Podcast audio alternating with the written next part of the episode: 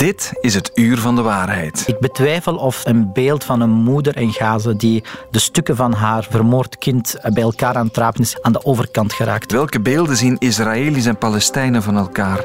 En hoe gevaarlijk misleidend kan dat zijn? Het vijandsbeeld waar je geen onderscheid niet meer maakt tussen burgers, tussen terreurleden. En wat als ons antidepressiva gebruik te hoog ligt door de mythe van het gelukshormoon? Dan zie je toch nog een grote kloof tussen wat mensen geloven en wat daar dan wetenschappelijk vastgesteld is.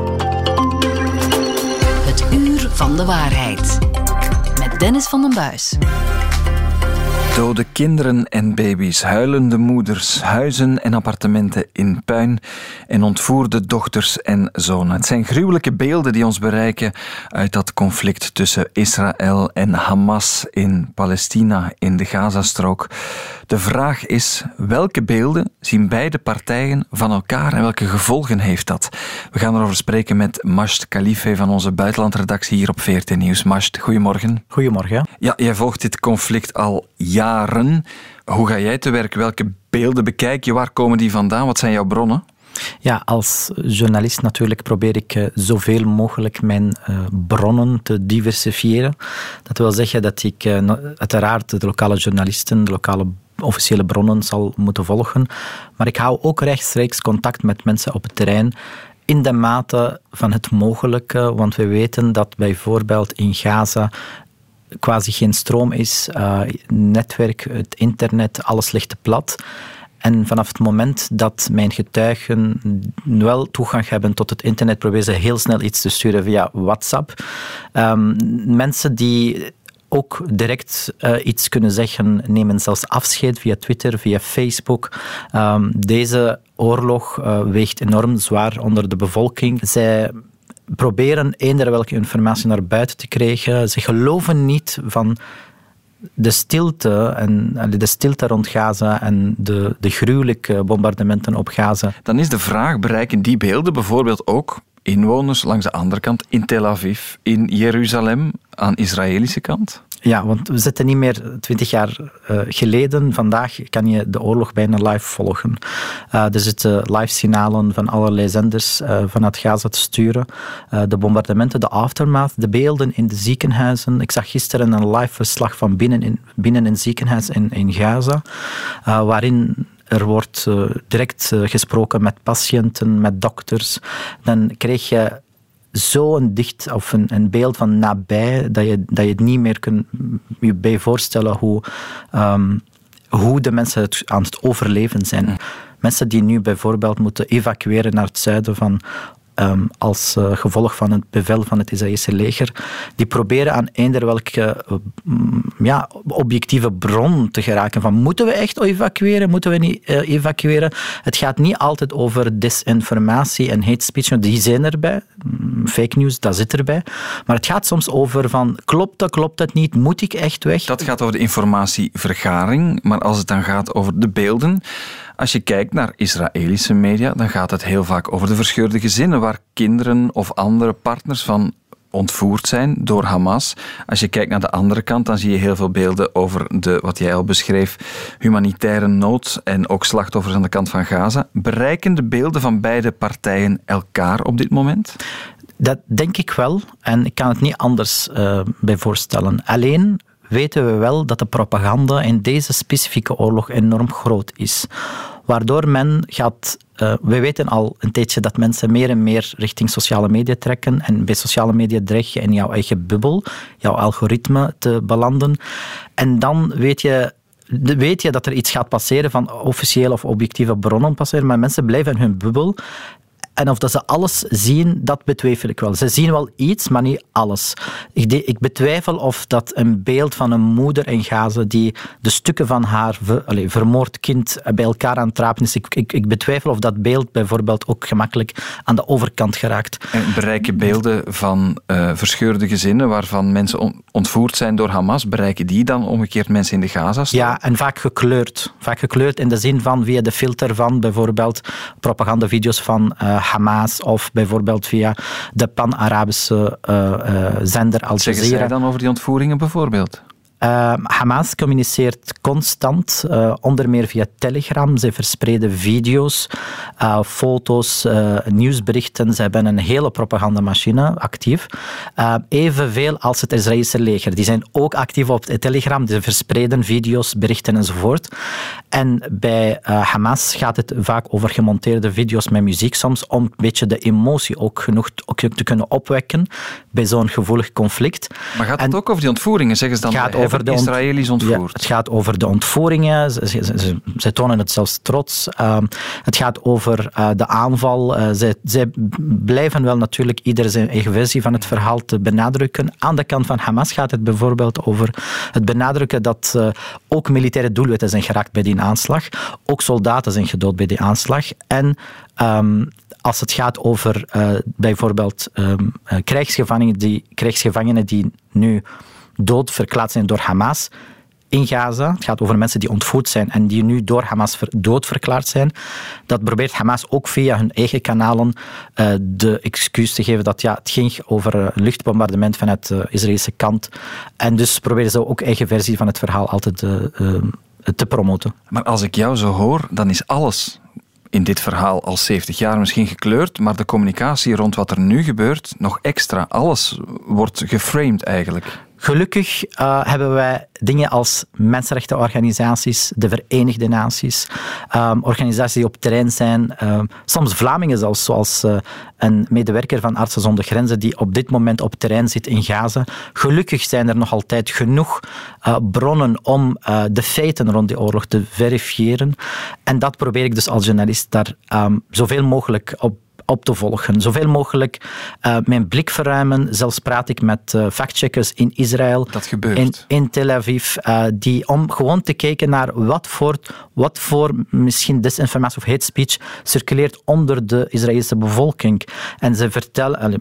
Fake Reporter is een, een, een heel mooi initiatief van Israëlische, um, um, van Israëlische onderzoekers in Tel Aviv die bijvoorbeeld de laatste dagen enorm ook berichten spotten die verdedigd zou zijn onder de Israëlse bevolking. Dus het gaat niet altijd van Israël versus Hamas of Israël versus Palestijnen. Ja, het gaat een beetje alle kanten uit, zeg je. Um, wie ook heeft zitten meeluisteren al heel de tijd, dat is Christophe Busch van het Hannah Arendt Instituut, die ook werkt aan een boek, De Duivel in elk van ons, hoe gewone mensen in staat zijn buitengewoon geweld te plegen. Dat lijkt me heel actueel.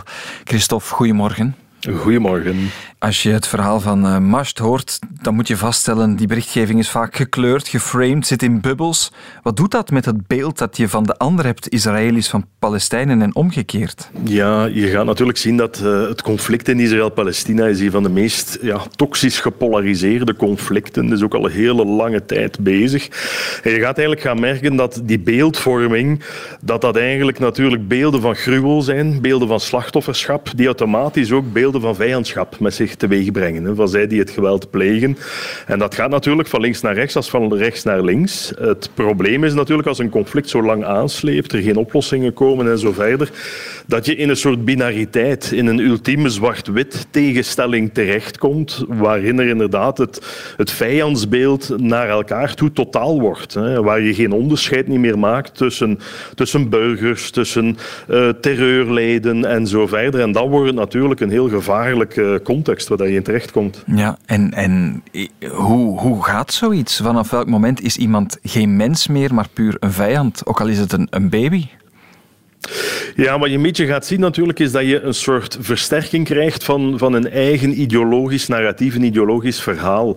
Um, je gaat natuurlijk uh, terreur gaan, gaan ondergaan. Uh, dat is heel uh, ja, disruptief. We hebben dat zelf meegemaakt in 2016. En welke impact voor komende maanden dat dat op een samenleving.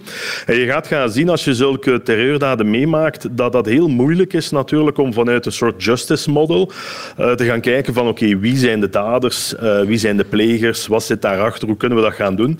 Als dat een extreme gruwel is, dan krijg je onmiddellijk natuurlijk een, emotie, een emotionele reactie van dit zijn barbaren, dit zijn onmensen die dit doen doen. of de mensen die daarachter staan zijn dan gelijkaardige onmensen.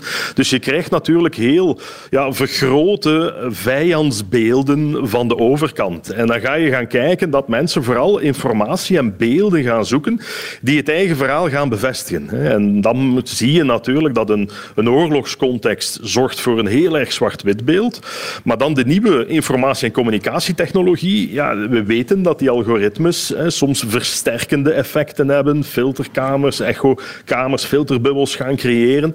En dan krijg je die twee zaken samen natuurlijk. Hè. Je krijgt extreme vijandsbeelden, gecombineerd met nog eens een versterking door die nieuwe informatie- en communicatietechnologie. Mast, Christophe schetst dat beeld van vijandschap. Als je kijkt naar de gemiddelde Palestijn en de gemiddelde Israëli, maar die bestaan natuurlijk niet. Is dan een beeld van vijandschap daar aanwezig, standaard? Of is er toch nuance over de andere groep ook? Totaal gebrek aan kennis, aan, aan natuurlijk bijvoorbeeld aan Israëls kant wat betreft de geschiedenis van de Palestijnen. Um, een woord zoals Nakba, dat is de Palestijnse catastrofe. Dat is het verdreven van honderdduizenden Palestijnen in de jaren 40 uit hun huizen en dorpen. Uh, waardoor nu intussen uh, bijna 6 miljoen Palestijnen in de, in de ballingschap, in de diaspora wonen in het Midden-Oosten. Deze soort kennis is bijna onbestaan op straat in Israël. Er zullen wel uitzonderingen zijn, maar die, die, tekort aan kennis is er wel al, al, altijd geweest. En in de Gazastrook wordt daar, ik zeg maar iets, de holocaust onderwezen? De holocaust wordt uh, um, uh, nog niet in, Palestijn, op in Palestijnse scholen, denk ik, uh, gedoseerd. Dat is maar, toch een, een, langs beide kanten een schrijnend gebied. Maar wel, maar wel er, bewust, nee, er bewust wel zijn dat een holocaust is. Dat is wel, iedereen bijna in Palestina weet dat er een holocaust is. Maar ze weten ook dat ze niks te maken hebben met de holocaust. Dat de holocaust gepleegd is in Europa. En dat willen ze wel altijd benadrukken. Dus er is wel, um, er is wel tekort aan informatie in de zin van hmm, wie zijn echt de Joden? Dat op dat vlak wel. Dat, dus... dat helpt natuurlijk niet voor een genuanceerd beeld links en rechts van elkaar. Want Christophe, ik wil even naar jou doorsteken. Kan je dat ook doorbreken? Die, die vicieuze cirkel van gebrek aan kennis, ongenuanceerd beeld en zelfs gruweldaden. Ja, je kan dat doorbreken, maar natuurlijk het, uh, ja, het leggen van verbindingen, relaties, het aanbrengen van nuance, dat doe je best in vredestijd en niet in oorlogstijd. En wat we natuurlijk zagen is dat ja, nu is, is er een terreurdaad gepleegd, uh, heeft terecht een golf van verontwaardiging veroorzaakt. Ehm, langs de andere kant merk je ook dat de informatietechnologie daar absoluut meer olie op het vuur gooit en dat de politieke reactie eh, eh, die ook ja, kind is van de nieuwe informatiewereld van vandaag, daar eigenlijk in mijn ogen ook heel inadequaat op reageert. En dit eigenlijk ook nog versterkt en dan af en toe ook nog eens extra olie op het vuur giet. En natuurlijk in zo'n context is het heel moeilijk om nuance, om uh, ja, nieuwe relaties te gaan aanknopen en zo verder. Ja, je merkt eigenlijk dat nu het totale vijandschap uh, er is en dat mensen als het ware ja, eigenlijk in, in een heel gewelddadig terugslag narratief zitten. En dat is gevaarlijk. Uh, waarom? Omdat je natuurlijk geen onderscheid niet meer maakt van het is niet het Palestijnse volk die die terreurdaad gepleegd heeft. Het is een terreureenheid, uh, Hamas, die dat gepleegd heeft. Dat is al een cruciaal onderscheid. Het is een cruciaal onderscheid tussen natuurlijk de Palestijnse bevolking te beschermen, wat je moet doen ook in een oorlogscontext. Want oorlogsrecht, ja, dat, dat maakt dat er wel spelregels zijn. Langs de andere kant leert de realiteit ons ook dat oorlog geen spelregels met zich meebrengt soms op het slagveld zelf. Mhm. Maar wat zou je dan aanraden in, in vredestijd? Hoe kan die verbinding er komen tussen groepen, los zelfs van dit conflict, misschien dat al decennia teruggaat? Hoe breng je vijanden bij elkaar? Ja, ik, ik denk dat het, uh, het is ah, padafhankelijk. De vraag is natuurlijk, wat is er al gebeurd? Wat is er gelukt? Wat is er niet gelukt? En zo verder. Ik denk dat eigenlijk heel erg van belang is dat er een soort sterk, ook charismatisch leiderschap is. Mensen die ook de bevolking kunnen vertegenwoordigen. Een opening vinden om op zijn minst aan de tafel te komen en een dialoog op te starten. Dat kan in gigantisch grote oneenigheid zijn, maar uw eerste stap is maken dat je al aan die symbolische tafel komt. Uh, als je dat doet, dan heb je al een bazaal connectie. En dan kan je op zijn minst al aan tafel oneens zijn over allerlei zaken, maar je zit aan tafel. Mhm. En dan denk ik dat ook de internationale gemeenschap hier een verpletterende verantwoordelijkheid heeft. Ik bedoel, vandaag zit je met uh, een extreem conflict waar ik mijn hart voor vasthoud wat er gaat gebeuren komende weken, waarin je ziet dat is eigenlijk het resultaat van het falen van dit onderhandelingsproces, dit vredesproces en ook het wegkijken van problemen die al heel lange tijd aanslijpen. Dus vandaag zitten we in een heel lastig parket en ik vrees een beetje dat we in zo'n extreme vorm van vijandschap zitten dat er eerst nog heel veel geweld zal moeten uh, ja, zich voltrekken, dat dat onnoemelijk veel burgerbevolking uh, tot mede slachtoffer zal maken en dat dan op een bepaald moment een besef zal komen van jongens, zo kunnen we toch niet verder, we moeten toch een andere oplossing en dan begint er weer opnieuw een dialoog uh, opgestart te worden. Mm.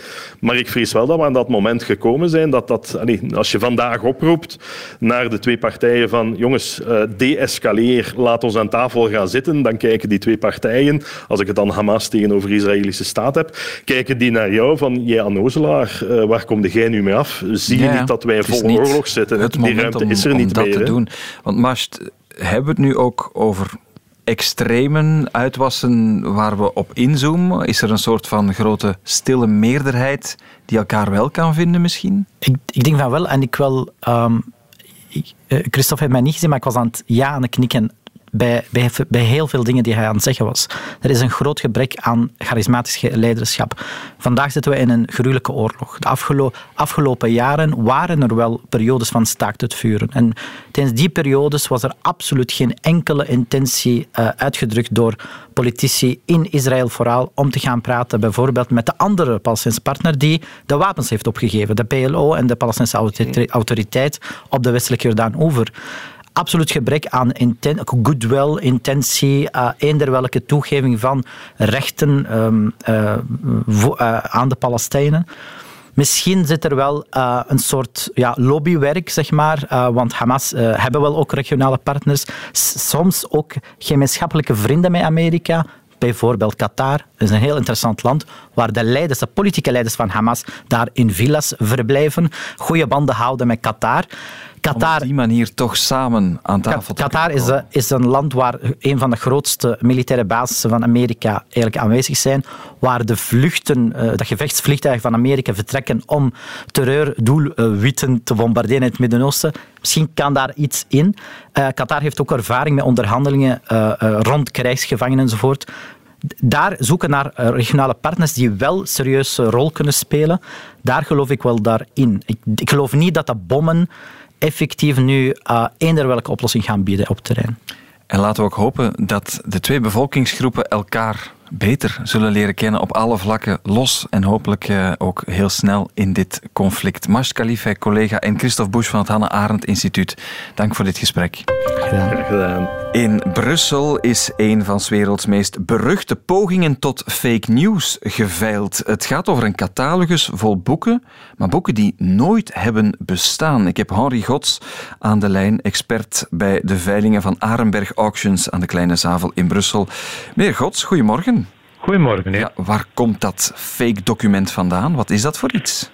Het fake, document, het fake document betreft dus een FOP-catalogus, zoals men dat noemt. Uh, een catalogus, uh, een imaginaire catalogus, een gefantaseerde catalogus met een 150 beschrijvingen van boeken die dus niet bestaan. En die FOP-catalogus die werd uh, in 1840 samengesteld door Renier Chalon, een man die geboren was in Bergen, midden van de 19e eeuw. Dus heeft hij dat gemaakt om de Goede Society de verzamelaars die tuk waren op unieke stukken bij de neus te nemen. En heeft daar dus in gefingeerd dat um, al die boeken die werden aangeboden in die catalogus komende uit, zogezegd komende uit de uh, verzameling Fortsas, dat dat allemaal unieke stukken waren. Ja, en hij wilde dus eigenlijk de verzamelaars toen ja, in de maling nemen. Het was een practical joke. Ja, een practical joke, inderdaad. En heeft dat gewerkt toen, in 1840? Dat heeft, heel, dat heeft heel sterk gewerkt. Eh, dat werkt zelfs tot heden dagen door. Die naam Renier Chalon, als u dat op uh, Wikipedia intikt, dan krijgt u de volledige, uh, een, een, een heel omstandig verhaal over de man en zijn activiteiten. Hij wil de, de mensen die in boeken of in verzamelingen geïnteresseerd zijn en die unieke stukken willen, wil hij bij de neus nemen. Hij maakt dus die catalogus en hij uh, zendt die aan de boekhandelaren in in Londen, in Parijs, in, bij de grote boekhandelaar Antiquaren in Londen, Parijs, uh, Wenen, Berlijn.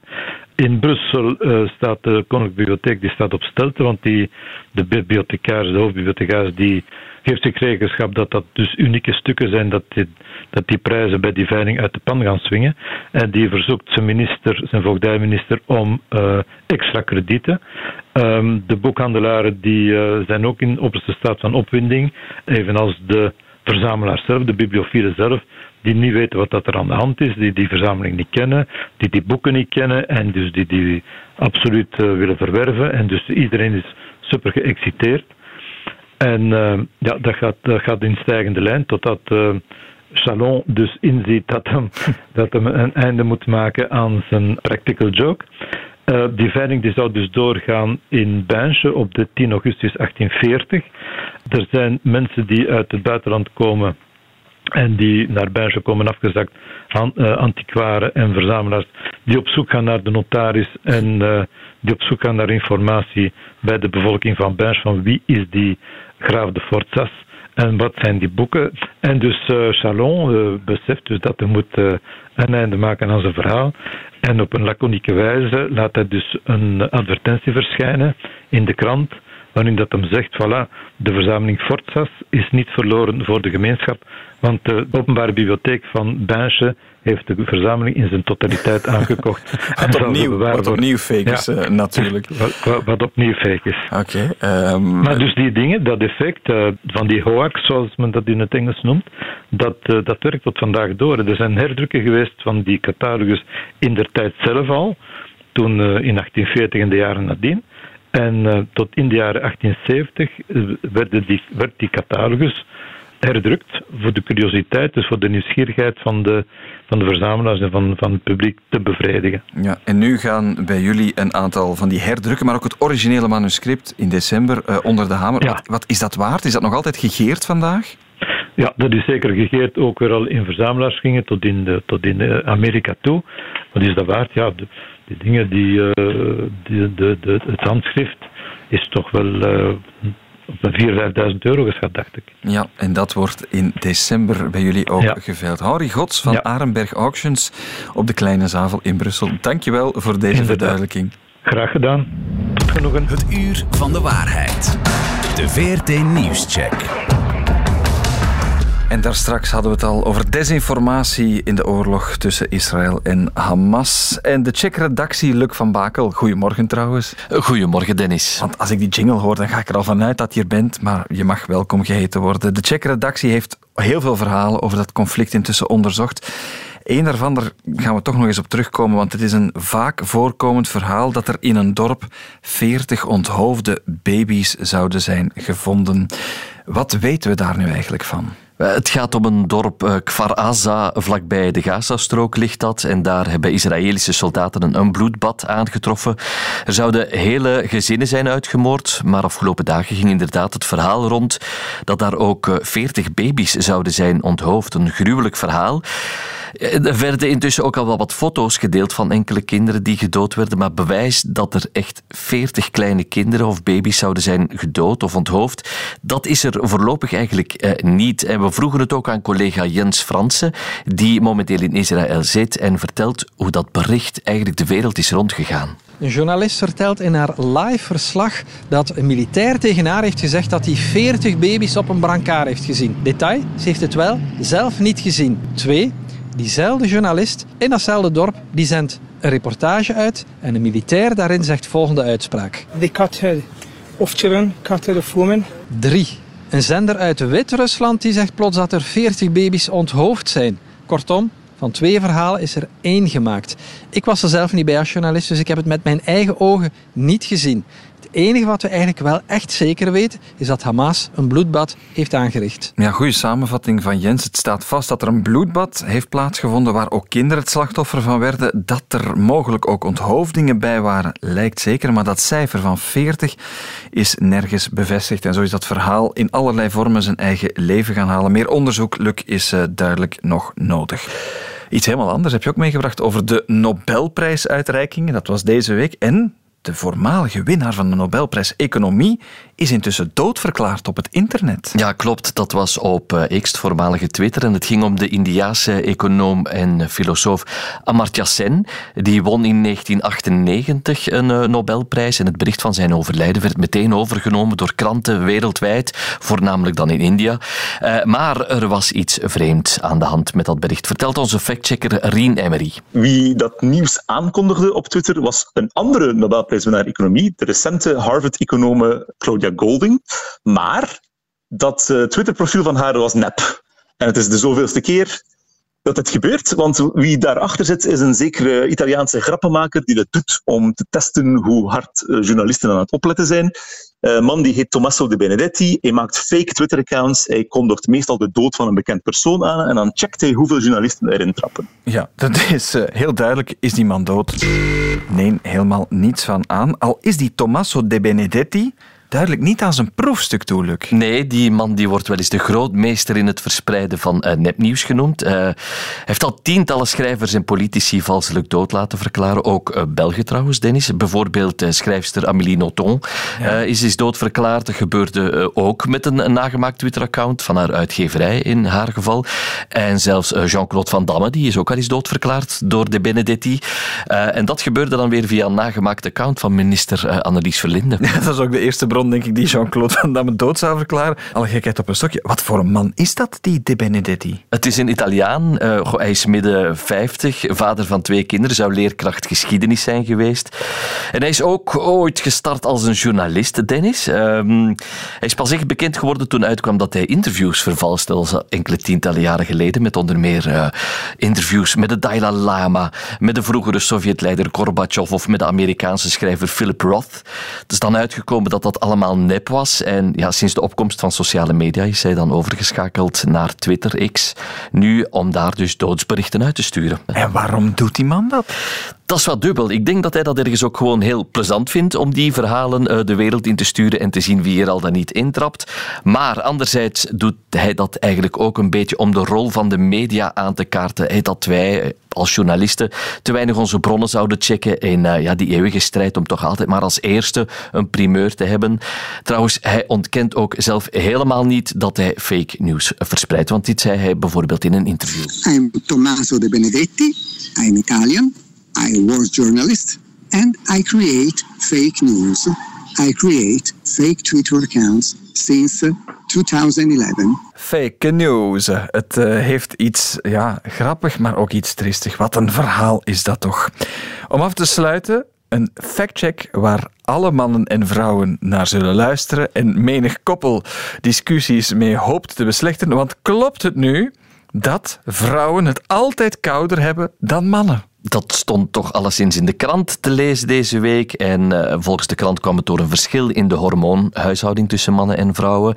Maar klopt dat ook? Dat onderzocht Stefanie van den Broek van Knak. Het blijkt inderdaad te kloppen. Daar zijn verschillende oorzaken voor. Een eerste is inderdaad hormonaal. Het vrouwelijke hormoon oestrogeen zorgt er namelijk voor dat het bloed stroperiger wordt, waardoor het iets eh, minder makkelijk naar de uiteinden van het lichaam gaat en je handen en voeten dus sneller koud aanvoelen. Maar er is nog een andere belangrijke oorzaak. Vrouwen hebben gemiddeld genomen uh, iets meer uh, vet en iets minder spieren dan mannen. En het zijn het spieren die in rust meer warmte produceren dan vet. Oké, of ik nu ga zeggen aan mijn vrouw dat het ligt aan haar stroperig bloed of aan haar vet, ik weet het niet. Maar hebben ze sneller koud dan mannen? Dat ja. klopt helemaal. Meer nog, Dennis, eh, volgens experten staat de verwarming op heel wat werkvloeren trouwens eerder afgesteld op het welzijn van de man. En is het dus daarom dat vrouwen het vaak te koud vinden op hun werk. Gelukkig is dit een warme werkplek geweest de afgelopen minuten dankzij jouw bijdrages. Luc, waar kunnen we dat allemaal nalezen? Well, alle factchecks die we hebben geschreven over het conflict in Israël, die kun je nalezen op VRT Nieuws. Dat zijn er heel wat intussen. En je kan ook heel wat verhalen terugvinden op de webpagina van de checkers.be. Tot volgende week, Luc. Tot volgende week. We gaan het hebben over antidepressiva. Pillen die 1 op de 8 volwassen Belgen innemen. Het gebruik neemt ook toe. Het wordt vaker voorgeschreven bij pubers, bij 12 tot 18-jarigen. Maar wat lees ik bij Apache? Misschien, misschien komt dat grote of hoge gebruik wel door het in stand houden van de mythe van het gelukshormoon. Die moeten we doorprikken. Ik heb Lisbeth de Kok, journalist bij Apache en ook eh, een master in de klinische psychologie. Bij mij, Lisbeth, goedemorgen. Goedemorgen. Je hebt dat onderzocht. Wel, welk gelukshormoon is dat? Waarover hebben we het? Uh, het gaat vooral over serotonine. Hè. Het als mensen zeggen het gelukshormoon, hebben ze het vaak over uh, serotonine. Dat is een neurotransmitter in de hersenen. Neurotransmitters zijn een soort van boodschappertjes. Hè. En men heeft op een bepaald moment gezien dat het toedienen van serotonine bij sommigen, maar lang niet alle mensen, inderdaad een positief uh, effect heeft op het gemoed. Maar om van daaruit de sprong te maken van depressie ligt bijvoorbeeld aan serotoninetekort. Uh, wat heel veel mensen blijkbaar nog steeds uh, geloven. Dat is wel een hele grote sprong en die is absoluut niet ondersteund door wetenschappelijke evidentie. Ja, want dat is ja. toch lange tijd ook in medische kringen het advies geweest, of te weinig daarvan. Dus antidepressiva gaan dat compenseren. Ja, inderdaad, dat is dat idee um, is opgekomen ja, vanaf de jaren 70, 80, hè, dat men ook uh, die, die uh, specifieke medicatie beginnen ontwikkelen is. Um, en daar spelen een aantal factoren, dus eigenlijk heel veel factoren spelen mee in het promoten van dat verhaal. Hè. Men is dus direct aan de slag gegaan met dat serotonineverhaal, van depressie is een tekort aan serotonine en voilà, we lossen dat op door het toedienen van serotonine, alsof het suikerziekte uh, zou zijn. En men merkte bovendien, en ik vind dat heel belangrijk, hè, dat zo'n verhaal heel vaak schuld- en schaamtegevoelens uh, wegneemt. Nu, 50 jaar later zijn we er eigenlijk niet in geslaagd om dat hard te maken. Hè? Dat uh, depressie een gevolg zou zijn van een serotoninetekort. Dat blijkt niet te kloppen. Hè? We zien dus niet systematisch lagere um, serotoninegehaltes bij depressieve mensen. En we zien ook, als we kunstmatig serotoninegehaltes gaan verlagen, dat dat niet per se aanleiding geeft tot depressieve gevoelens. Wat toch een verschil is met bijvoorbeeld iets als uh, suikerziekte. Hè? Daar ga je veel systematischer verbanden zien. En wat we ook weten intussen, hè, want dan zou je nog kunnen zeggen, ja, maar we geven dat verhaal als een leugentje om bestwil, hè, want het neemt schaamte en schuld weg. Het zorgt ervoor dat er minder stigma is. Dat mensen gewoon kunnen zeggen, ja. ik heb een ziektebeeld voilà. en daar kan ik iets aan doen. Ja, en dat werkt ook wel heel krachtig bij mensen. Het neemt inderdaad schuld en schaamte weg. Maar we weten ondertussen ook dat het een aantal effecten heeft uh, die toch ook niet min zijn. Hè? Dat verhaal, mensen gaan anders naar zichzelf kijken, gaan ook anders kijken naar de toekomst, schatten de kans op herstel bijvoorbeeld uh, lager in, hebben minder vertrouwen in hun eigen vermogen om emoties uh, te reguleren. En gaan ook vaker, en dat is natuurlijk de relevantie voor deze discussie, gaan ook vaker geneigd zijn om langdurig te gebruiken, om chronisch te gebruiken. Want dat zeg je is het grote probleem van die mythen, hè? dat dat gebruik maar blijft duren. Ja, ik wil daar heel duidelijk over zijn. Hè. Ik, het is niet de eerste keer, ik ben ook niet de enige trouwens hè, die die mythe doorprikt. Ondertussen weet ik ook, daar komen vaak heel heftige reacties op van mensen die antidepressiva gebruiken. Ik heb onlangs nog een mail gekregen hè, van een man die zei, ja maar zonder dat middel zou ik in de kist um, liggen, dan zou ik onder de grond liggen. Dus het is niet mijn bedoeling om aan pilshaming te doen. Het is heel goed dat we iets hebben dat blijkbaar bij een bepaalde groep mensen iets doet. Dus ik vind dat dan oké okay om dat te doen. Maar wat we wel zien, is dat het aanleiding geeft, en dat is een groot probleem in België, niet alleen bij antidepressiva, ook andere middelen, uh, dat het chronisch gebruik in de hand werkt. Hè? Dat mensen denken, ik heb hier een structurele dysfunctie in de hersenen, wat dus voor alle duidelijkheid niet wetenschappelijk ondersteund is.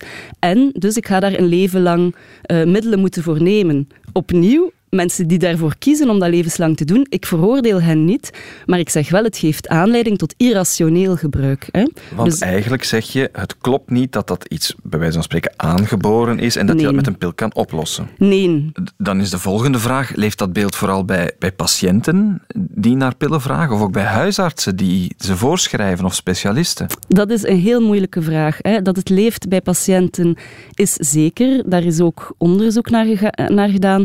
Die cijfers verschillen, maar men ziet toch bij ja, 30 tot 80 procent uh, van de patiënten is er een geloof in het feit dat daar een, een, een, structureel onevenwicht in die hersenen aan de basis ligt van psychische klachten in het algemeen en dan depressie in het uh, bijzonder. Van waar dat komt is eigenlijk heel moeilijk te zeggen, want we horen vaak als we opnieuw die mythe doorprikken, dat artsen, psychiaters gaan zeggen, ja maar niemand heeft dat toch ooit ernstig genomen, toch niet van de wetenschappelijke gemeenschap. Ik wil dat aannemen, maar dan zie je toch nog een grote kloof tussen wat mensen geloven hè, en wat daar dan wetenschappelijk vastgesteld is. En mhm. ik denk ook, en dat is ook al aangetoond, dat artsen inderdaad met de beste bedoelingen vaak uh, dat gaan meegeven aan hun patiënten. Net om die, dat verhaal gaan meegeven bedoel ik. Hè. Net om die schuld en schaamte weg te nemen. Dus dat is met de beste bedoelingen. Ik wil hier geen artsen of psychiaters viseren, want dat is een heel moeilijke kwestie. Uh, en daar spelen opnieuw heel veel zaken mee. YouTube-video's bijvoorbeeld, influencers, die spelen ook een rol. Hè. Daar zie je dat tot 50 procent. Uh, die getuigt over hun depressie of spreekt over depressie in het algemeen, beroep gaat doen op die mythe. Dus er zijn daar een aantal bronnen van desinformatie. In de VS is dat vooral marketing ook, hè, want daar houdt men ook na al die jaren... Um, Vanuit de farma-industrie dan? Ja, maar zonder daar opnieuw uit te vervallen in grote complottheorieën over de big pharma. Maar goed, men ziet dat dat toch in die marketing nog steeds meespeelt. Uh, in Europa of uh, hier in het Westen is dat minder. Dat is ook strikter gereguleerd natuurlijk. Maar in de VS spelen die, speelt die marketing nog steeds een rol. En opnieuw, mensen zijn vaak, daarom is het zo delicaat. Hè, mhm. nemen dat verhaal ook graag aan. Omdat als je op een punt komt, want depressie is voor alle duidelijkheid, kan zeer invaliderend zijn, is zelfs een, een potentieel dodelijke aandoening. Hè. Dus als daar iets is dat werkt, neem dat dan, maar wel uh, op, op een rationele manier.